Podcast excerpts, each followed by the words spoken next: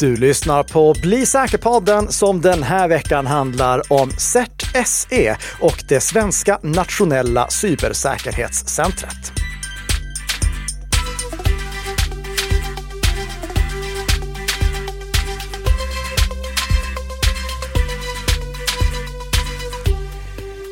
Ja, god morgon, god morgon och välkommen till Bli säker-podden med mig Karl-Emil Nicka och eh, ja, eh, vanligtvis Peter Esse. Men ni som eh, tittar på videoversionen och är riktigt observanta kan notera att Peter Esse inte står här precis bredvid mig som han brukar. Och jag vet faktiskt inte ens riktigt var han befinner sig. Det, han sa till mig förra veckan att han skulle iväg på någon hemlig resa och att han självfallet är tillbaka nästa vecka. Men den här veckan, då är han inte här. Men det gör inte så mycket, för förra veckan, då åkte jag till CERT SE och träffade Carl Selin som jobbar där på CERT SE som är en del av MSB. Han jobbar också med det svenska nationella cybersäkerhetscentret och jag var väldigt nyfiken på att veta dels vad de gör om dagarna och dels vad som skiljer mellan de här två olika organisationerna. Så det det är veckans huvudämne i den här podden som precis som vanligt produceras i ett ekonomiskt oberoende samarbete mellan Nikka Systems och Bredband2. Avsnittet det spelades in den 2 november, eller nu när jag står här och pratar så är det den 2 november. Ni lyssnar på det den 3 november och intervjun med Carl Selin den är från den 26 oktober. Men innan vi går in på veckans huvudämne så måste jag dela med mig av en riktigt stor, god, glad nyhet. Nämligen att sommaren är slut och nu kommer hösten. För Bitwarden, de har lanserat stöd för Passkeys. Nu går det att logga in med Passkeys med hjälp av Bitwarden och få sina Passkeys synkroniserade mellan sina webbläsare med hjälp av Bitwarden. Jag har testat det här och det fungerar klockrent. Och det helt oanvändbart på samma gång. Och vad menar jag med det? Jo, just begränsningen som du kanske la märke till där, synkronisera mellan eh, webbläsare. Det var inte en felsägning. Det är inte synkronisera mellan alla enheter. Än så länge så är det nämligen enbart webbläsartillägget som stödjer inloggning med passkeys. Om du kollar i eh, release notesen för Eh, själva mobilappen, då står det någonting om passkeys där i nu också. Men du kan bara se att du har skapat passkeys för en specifik domän. Du kan inte logga in med den passkeyn från din iOS-enhet eller Android-enhet. Och eftersom vi givetvis måste kunna logga in från alla våra enheter, även om vi väljer en säkrare inloggningsmetod än lösenord, så gör ju det att än så länge är inte Bitwardens passkey-lösning någon fullvärdig ersättare. Men vi har kommit ett bra steg på vägen och jag får säga att webbläsarintegrationen, den fungerar riktigt bra. Det är lätt att skapa nya konton där jag loggar in med passkey istället för med lösenord och det är extremt lätt att sedan logga in med passkey. Jag väljer bara, jag vill logga in, jag vill logga in med det här kontot och sen är allting klart.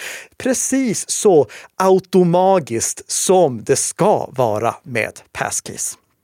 En annan sak som saknas i den första versionen av Bitwarden som stödjer passkeys, det är möjligheten att importera och exportera passkeys. Och givetvis vill vi kunna exportera våra passkeys till en annan lösenordshanterare om vi i framtiden skulle vilja byta av något skäl. Det är givetvis också en säkerhetsrisk. Apple har ju valt att du inte ska kunna exportera dina passkeys ur iCloud-nyckelringen, för risken finns ju då att någon blir lurad att exportera alla sina passkeys och ge till en bedragare. Men här får vi väl väga för mot nackdelar och Bitwarden har åtminstone meddelat att de kommer att eh, lägga till stöd för att exportera passkeys i en kommande version, precis som de kommer lägga till stöd för att logga in med passkeys från mobilen. En eh, sista sak som vi måste gå in på innan vi hoppar över till veckans huvudämne, det är lite bakgrundsinformation till någonting som vi kommer till i veckans huvudämne. Vi eh, benämner nämligen, eller vi berör då som hastigast eh, en sårbarhet som uppdagats i Cisco iOS. Och Cisco iOS har alltså inte någonting med Apple iOS att göra, förutom att Apple-licensierade varumärket iOS av Cisco. Men Cisco har också ett eget operativsystem som heter Cisco iOS. Det är just versionen som vi pratar om i, eh, det här, i den här intervjun. Det är Cisco iOS XI som är det operativsystem som Cisco kör på många av deras eh, nätverksprodukter som eh, används av organisationer av alla möjliga storlekar. Och i oktober, då uppdagades det en eh, minst sagt kritisk sårbarhet i Cisco iOS XI som gjorde att angripare på distans kunde ta kontroll över Cisco iOS XI-prylar som var exponerade mot internet och där webbadministrationsgränssnittet var påslaget. Då kunde angriparna själva skapa användarkonton med administratörsrättigheter på de här nätverksprodukterna och därigenom få full kontroll över dem. Det här var en nolldagars sårbarhet som hade 10 av 10 i CVSS-score och den utnyttjades alltså aktivt. Så organisationer fick sina Cisco iOS XI-produkter kapade. Anledningen till att jag nämner det, det är att den här typen av eh, utbrott av infekterade prylar, det är en av de sakerna som just CERT-SE håller koll på. Och det kommer ni få reda på mer alldeles, alldeles strax. Men jag vill bara avsluta med att säga att tyvärr, för för er som tittar på videoversionen, så tar videon slut här. För där vi spelade in den här intervjun, där var det så hårt fotoförbud att jag inte ens fick filma inne i konferensrummet där vi satt. Så håll till godo med ett, eh, ja, i övrigt eh, videofritt avsnitt så är videon tillbaka nästa vecka. Men med det sagt så lämnar jag över ordet till mig igen, fast för en vecka sedan. Precis. Och jag sitter här nu med Carl Selin, eh, senior cybersäkerhetsspecialist vid ja, CERT-SE hos MSB och NCSE-SE. Absolut, det stämmer. ja. Och det där krångliga på slutet, det är det som vi ska reda ut. Men vi börjar med någonting väldigt mycket enklare. Vem är Carl Selin? Ja, jag heter Carl Selin. Eh, jag har jobbat med cybersäkerhet eller IT-säkerhet i hela mitt liv, så det är nästan 30 år nu. Eh, jag har haft en massa roller på många olika myndigheter, men även jobbat privat som konsult och gjort pentester och så vidare. Mm. Och, och pentester, det är alltså? Penetrationstester av både nätverk, miljöer, webbsidor, allt möjligt. Ja. Och nu har du då hamnat på CERT-SE som är en del av MSB. Och Myndigheten för samhällsskydd och beredskap, MSB, tror jag att de flesta är bekanta med. Men vad är CERT-SE som då är en del av MSB?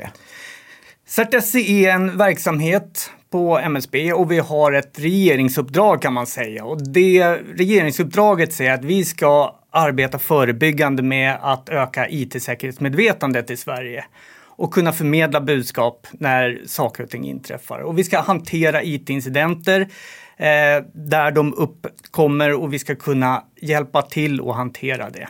Men vi är även Sveriges kontaktpunkt eh, gentemot motsvarande funktioner i andra länder, så andra certar. Just det, för det finns flera sådana, vilket vi ska återkomma till alldeles strax. Men först och främst måste vi också då redogöra det andra benet som du eh, har, eh, som då är i Nationella cybersäkerhetscentret, eller NCSCSE. Visst är det fantastiskt med förkortningar? Ja, det är, men, men, men det är ju igen för att det ska vara samma som i andra länder antar jag. Ja. Men, men vad vad är, och det funkar säkert bättre på andra språk än just svenska där C och SE blir väldigt lika. Ja. Men vad är Nationellt cybersäkerhetscenter? Det nationella cybersäkerhetscentret i Sverige, det ser lite olika ut i olika länder, men som eh, det är satt att fungera i Sverige så är det som en paraplyorganisation för att eh, hålla ihop och, och egentligen möjliggöra samarbetet mellan de olika myndigheterna. Mm. Så att det är ingen egen entitet, eh, utan det är de olika ingående myndigheterna myndigheterna som agerar utifrån respektive uppdrag. Okej. Okay. Och då ligger inte Nationella cybersäkerhetscentret under MSB? Eh, svårt att säga. Så här. Idag så, så, styrs det nationella cybersäkerhetscentret av de olika ingående myndigheterna. Men det är en utredning som pågår just nu som ska se om det blir en ny huvudman för cybersäkerhetscentret och eh, förslaget är att det ska ligga på FRA. Okej. Okay. Och FRA är ju en av de andra organisationerna som eh, är del av Nationella cybersäkerhetscentret. Konstigt nog har de aldrig frågat ifall de får medverka i podden. Jättekonstigt. ja, nej, jag är väldigt glad att eh, du tar dig tid att göra det. Självklart. Vilka fler myndigheter är det som då är del av eh, Nationella cybersäkerhetscentret? Ja, förutom MSB och FRA som du nämnde så är det Försvarsmakten, Säkerhetspolisen, Polismyndigheten, Post och telestyrelsen och Försvarets materielverk. Ja. Så då kan vi konstatera att du jobbar dels på eh, CERT-SE och du jobbar dels på Nationellt cybersäkerhetscenter. Ja. ja.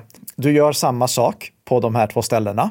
Men vad syftar de här två olika organisationen respektive paraplyorganisationen till? Vad, vad är målsättningen för dem? Vad skiljer?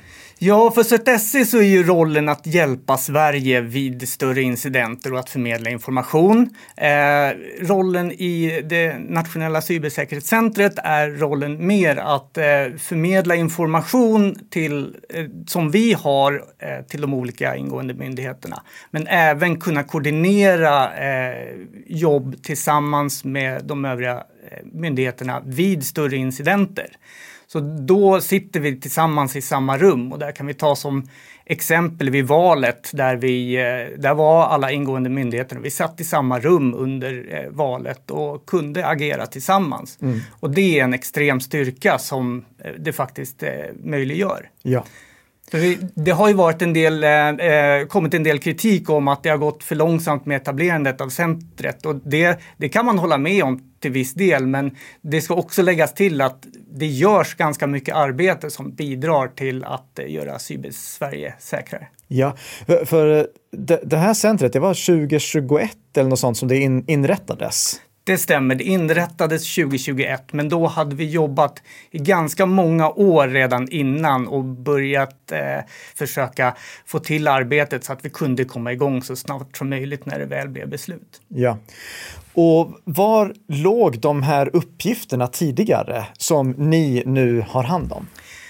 Ja, de ligger ju fortfarande på respektive myndigheter, eh, men nu vad centret primärt har gjort är att de faciliterar och möjliggör eh, samverkan, både juridiskt och det här förtroendemässigt, att vi kan prata med varandra. För att naturligtvis, vissa organisationer är, och myndigheter är oroliga att informationen ska komma på avvägar och där är ju förtroendet väldigt viktigt. Såklart. Ja, men det, det, låter ju då jättebra att ni har den här samverkan mellan de här sju myndigheterna som är en del av eh, paraplyorganisationen. Men eh, det finns ju betydligt fler myndigheter än bara dem. Det, hur, hur samverkar ni med resten av Sverige också? Med, jag tänker liksom inte bara med andra statliga myndigheter utan jag tänker med kommuner, regioner. Vi har olika samverkansforum där, där vi delar information och möts eh, med jämna intervaller. Det är inte bara kommuner och regioner eh, och, och, myndigheter utan vi har med, även med privata företag. Där har vi ofta i, i, i någonting som vi kallar FIDI, ett forum för informationsdelning av informationssäkerhet eller något sånt. Mm. ja, förkortningar. Mm. återigen. Eh, och då har vi till exempel inom eh, driftorganisationer där de stora driftorganisationerna är med. Eh, jag nämner inga namn, men vi har eh, inom telekomsektorn där vi har nära kontakt med eh, ISPR, alltså ja. internetleverantörer och många, många olika för att vi ska snabbt kunna ha det här förtroendet och kunna dela information och eh, kunna umgås och ja. Ja. Har vi, om du jämför med andra länder, ett fungerande informationsutbyte? Både ja och nej. Eh, det fungerar ganska väl, mm. men det här är ju någonting som vi alltid kämpar med att kunna göra bättre. Vi vill bli bättre och vi, vi kämpar dagligen med att få ut ett, ett bredare och enklare informationsutbyte. Mm. Men det, det, är många delar som ska falla på plats. Eh, det är många lagar som måste lydas. Mm. Så att eh, vi försöker komma ut så mycket vi bara kan, men ja. Ja. Så eh, eh, om vi kollar internationellt sett, vi har ju certar i flera olika länder. Vad är det ni gör tillsammans? Eh, alltså certen i Sverige, certen i Danmark och så vidare. Ja. Eh, CERT-världen eller C-cert-världen, nu fick du mm. ytterligare en förkortning att lägga på minnet. Det är ja. Computer Security Incident Response Team. Eh, så C-cert-världen är en väldig smältdegel av samarbete. Det, det är det största vi har. Mm. Vi jobbar tillsammans med både nationella och internationella certar och C-certs. Eh, och vi har sekundkontakt med egentligen alla runt om både i Europa och många runt om i världen genom olika samverkansnätverk. Mm.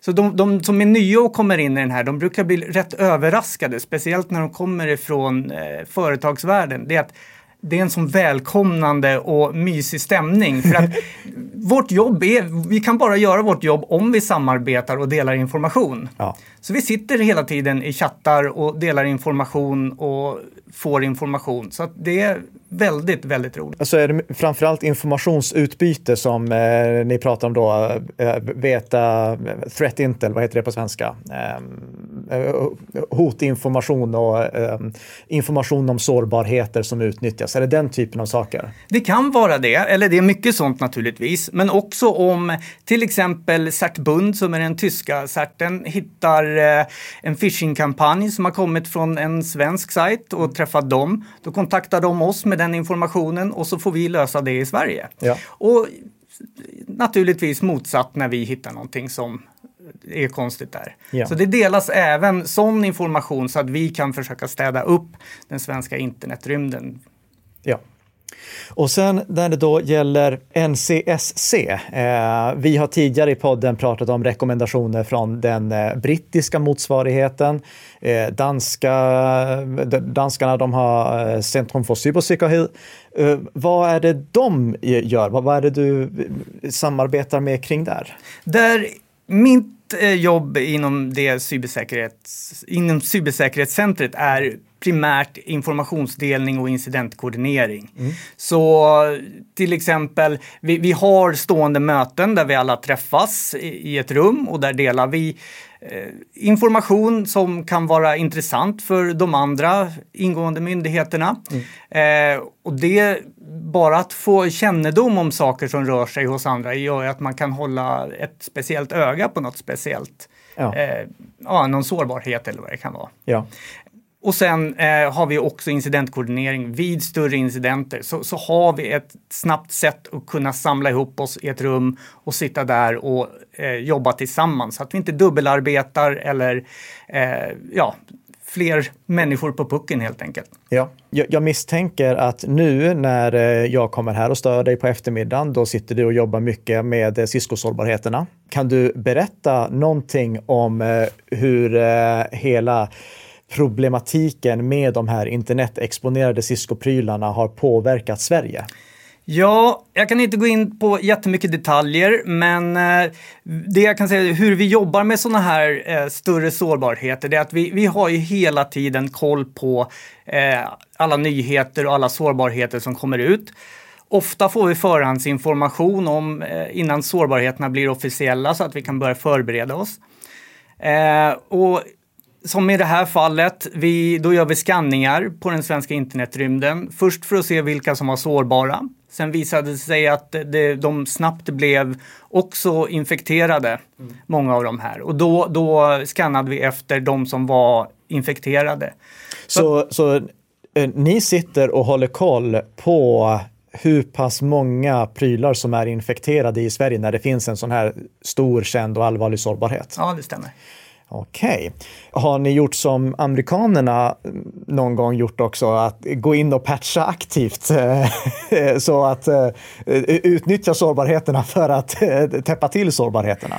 Nej, jag tror inte vi skulle bli så populära om vi gjorde det. Nej, men eh, ni, ni håller koll på hur det ser ut. Det, kontaktar ni? Och som, om ni ser att eh, här har vi en organisation som verkligen har drabbats, kontaktar ni då den organisationen? Absolut, det är det första vi försöker göra. Alltså, vi, vi har några olika steg när sånt här dyker upp så att vi vi börjar med att försöka skapa oss en bild när vi ser sårbarheten eh, och tror vi att den kommer bli allvarlig och slå stort på Sverige, då, då, samtidigt som vi gör en scanning så börjar vi skriva en artikel som vi går ut med så vi kan referera till den här artikeln i vårt, våra utskick som vi gör. Så att en stor del av vårt jobb går ut på att eh, jaga organisationer, personer som eh, har de här sårbara produkterna. Ja, och då måste jag ju ställa följdfrågan direkt. Vad kan organisationer göra för att underlätta så att ni snabbast möjligt kan få kontakt med rätt person? Precis, det, det, det är nästan det viktigaste budskapet jag vill komma ut med. att, att vi behöver kontaktuppgifter till så många som möjligt. Och det handlar inte om att vi kommer skicka någon onödig eh, spam till er, utan det är när någonting stort inträffar så behöver vi kunna nå ut snabbt. Ja. Och dessutom vill jag göra lite reklam för en ny tjänst vi har som heter Ants. Eh, den är automatisk notifiering för sårbarheter. Och eh, om man kontaktar oss och, så att vi får er eh, e-postadress, förslagsvis till en funktionsadress, mm. eh, och ert IP-spann och domännamn, då har vi feeds från många delar i världen som letar sårbarheter. Så om det blir en träff på, någonstans i ert IP-spann så går det ut ett automatiskt mail så att ni får reda på det. Det är naturligtvis en gratistjänst som, som vi kan till, tillhandahålla. Snyggt! Eh, alla vi som driver webbplatser bör ju också publicera det som kallas en security.txt-file. Eh, tack Laban Schöllemark för att du tipsade mig om det. Och eh, det, det är ju något som gör att eh, eh, ja, Bug Bounty Hunters kan eh, veta vem de ska kontakta om de hittar en sårbarhet. Är det här någonting som underlättar för er också? Absolut, det kan det göra. Nu är webbsajter väldigt eh, liten del av de sårbarheter vi hittar. Ja. Eh, men, men det kan det absolut göra. Eh, där vi har ju många abuse-adresser. Tyvärr så är abuse-lådor ofta väldigt dåligt eh, bevakade. Ja. Så att eh, gärna någonting mer än bara abuse-adressen. Ja, och, och, men, men, vilket är då det bästa sättet att eh, kommunicera till er vem det är som ni ska nå ut till, vilken eh, funktion är ni ska nå ut till? Är det via den här ANTS? ANTS är en funktion som, som är automatisk, så man bara delar med sig av informationen till oss.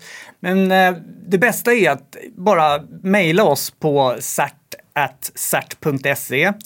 eller ringa oss på 010-240 40 40. Oj. Vi har en ingång, en e-postingång och ett telefoningång. Eh, vi har eh, beredskap. Så eh, händer större incidenter på kvällar och helger så är det bara att ringa så ska vi försöka hjälpa till. Ja. Men eh, se till att vi har kontaktuppgifter till er organisation. Och tänk om det är en organisation med två medarbetare, är det värt att rapportera in det ändå?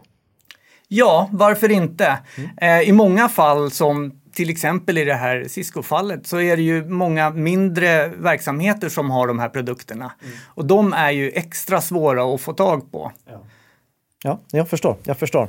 Okej, okay. du öppnade väldigt eh, frikostigt upp för kontaktmöjlighet här.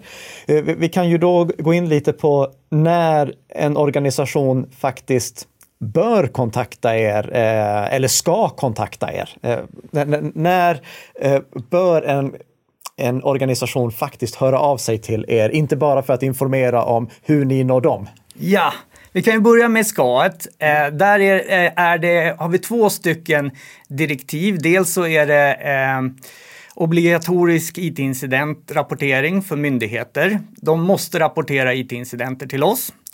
Och sen har vi NIS-direktivet. De eh, företag som, och kommuner och regioner som lyder under NIS, mm. de ska rapportera till oss. Ja. Eh, det är ska.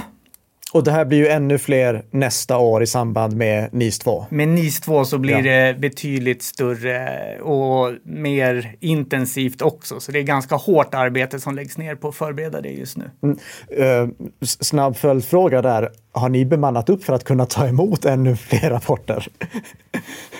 Eh, vi hoppas att vi kommer kunna lösa det. Ja, mm, okej. ja. Eh, men, men, men det är Scan. Eh, Ja, det ska. Ja. Bör, det är en helt annan sak. Eh, vi tycker att de flesta som råkar ut för någonting, de, de inte bör, men de får jättegärna kontakta oss. Vi, eh, vi tar jättegärna emot så mycket information som möjligt. Det kan ses som eh, en, en liten incident när någonting har inträffat, men för oss så kan vi bygga bilden. Vi kan eh, förbereda andra. Vi kan dela informationen till andra myndigheter som kan behöva det här. Ser vi att det blir en stor kampanj av någonting, då kan vi lägga pusslet och kanske faktiskt hitta ett sätt att komma runt det här. Ja. Så en stor del av eh, vårt arbete är ju också att eh, så kallad abuse-hantering. Att försöka få bort de här eländiga landningssidorna för phishing-mail. Så att eh, även om någon skulle klicka på länken så gör det ingenting för vi kanske har hunnit städa bort sidan. Ja. Så att, eh, ja, vi, tillsammans kan vi göra i Cybersverige säkrare. Eh, l- Låt oss säga att en organisation har fått två datorer infekterade med en utpressningstrojan. Är det någonting som de ska höra av sig till er med? Det får de absolut jättegärna göra. Eh, Det är polisen som utreder brott. Så vi kommer antagligen råda dem ganska direkt att göra en polisanmälan. För polisen har inte bara eh, egen, eh, egna resurser att kunna göra utredningar, utan de har väldigt nära samarbete med Europol, speciellt när det gäller ransomware. Ja. Så att där kan man få jättebra hjälp. Men vi, absolut, vi är jätteintresserade, speciellt med nya typer av ransomware och där olika saker dyker upp. Ja, och nu när vi pratar om att höra av sig, då pratar vi alltså om att höra av sig till CERT SE. Det är det som är att höra av sig till er. Absolut. Ja, men eftersom jag fortfarande inte har fattat helt skillnaden så kan du bara avsluta då med att förklara hur ser dagen ut när du jobbar för CERT SE och hur ser dagen ut när du jobbar för Nationellt cybersäkerhetscenter? Ja, de två går väldigt mycket i varandra. Eh, men eh, det första jag gör när jag kommer till jobbet på morgonen är att gå igenom de ärenden som dykt upp. Eh, vi alla jobbar som ett team. T1 i CERT står för team och det måste vi kunna göra för att vi ska täcka upp för varandra. Men som allmänintresse så går jag igenom alla ärenden, ser vad som har dykt upp. Är det någon stor sak som vi kanske behöver lyfta, någonting som har dykt upp, då kanske jag tar med det in till eh, cybersäkerhetscentret och informerar de övriga. Klockan eh, 9.30 på morgonen så har vi ett morgonmöte i CERT-SE där vi går igenom de inkomna rapporter sedan gårdagen eller sedan det tidigare mötet och går igenom vad det är som kommer hända under dagen. Så du har blivit nämnd på vårt morgonmöte i morse. Oh. Ja. Eh, se- Sen är det helt enkelt, det är det jag älskar med det här CSIRT-arbetet, att ingen dag är den andra lik. Eh, vaknar man på morgonen och tror att det kommer bli en lugn dag, då kan man vara säker på att det inte är det. Det är väldigt spännande. Ja. Om du jobbar för Nationellt cybersäkerhetscenter, vad, vad, gör du då? Då, i stort sett, de, de dagarna så eh, sammanfattar jag mycket av den informationen som eh, CERT-SE har tagit emot sen sista mötet vi har haft. Eh, så att jag kan dela den information. Eh, är det någon större incident som inträffar så att jag blir satt som incidentledare i eh, cybersäkerhetscentret, då förbereder jag allt det som behövs där och eh, håller kontakt med de olika ingående myndigheterna. Ja. Och incidenter, då kan det vara typ Coop-incidenten, eh, alltså när Kaseya blev eh, kapade, eh, eller Kalix-incidenten. Det, det är den typen av... eh, Ja, Log4j, sådana Ja. som vi behöver kunna sätta oss in i. Ja. Mm. Okej, bra. Det låter som att du trivs på din arbetsplats också. Absolut. Så det vore dumt ifall vi inte avslutar då med att puffa lite för att eh, ni ofta söker folk. Jajamän. Eh, Just nu tror jag faktiskt inte vi har no- några platser ute, men det kommer hela tiden. Ja. Eh, Precis, vi som alla andra. Vi växer och vi söker folk. Och det är en väldigt spännande och givande arbetsplats där det finns möjligheter för att utvecklas inom det man är nyfiken på. Ja. Det, har man ett intresse av cybersäkerhet egentligen på vilken nivå som helst så är det en fantastisk arbetsplats. Ja, eh, tyvärr så eh, får jag inte filma här, men annars så hade jag visat er hur det faktiskt ser ut. Men jag kan ju passa på att tipsa om att eh, de platsannonser som utlyses på CERT.se, de brukar dyka upp i säkerhetsbubblans RSS-flöde för platsannonser. Och apropå RSS-flöde, ni har ju ett RSS-flöde som alla bör prenumerera på. Ja.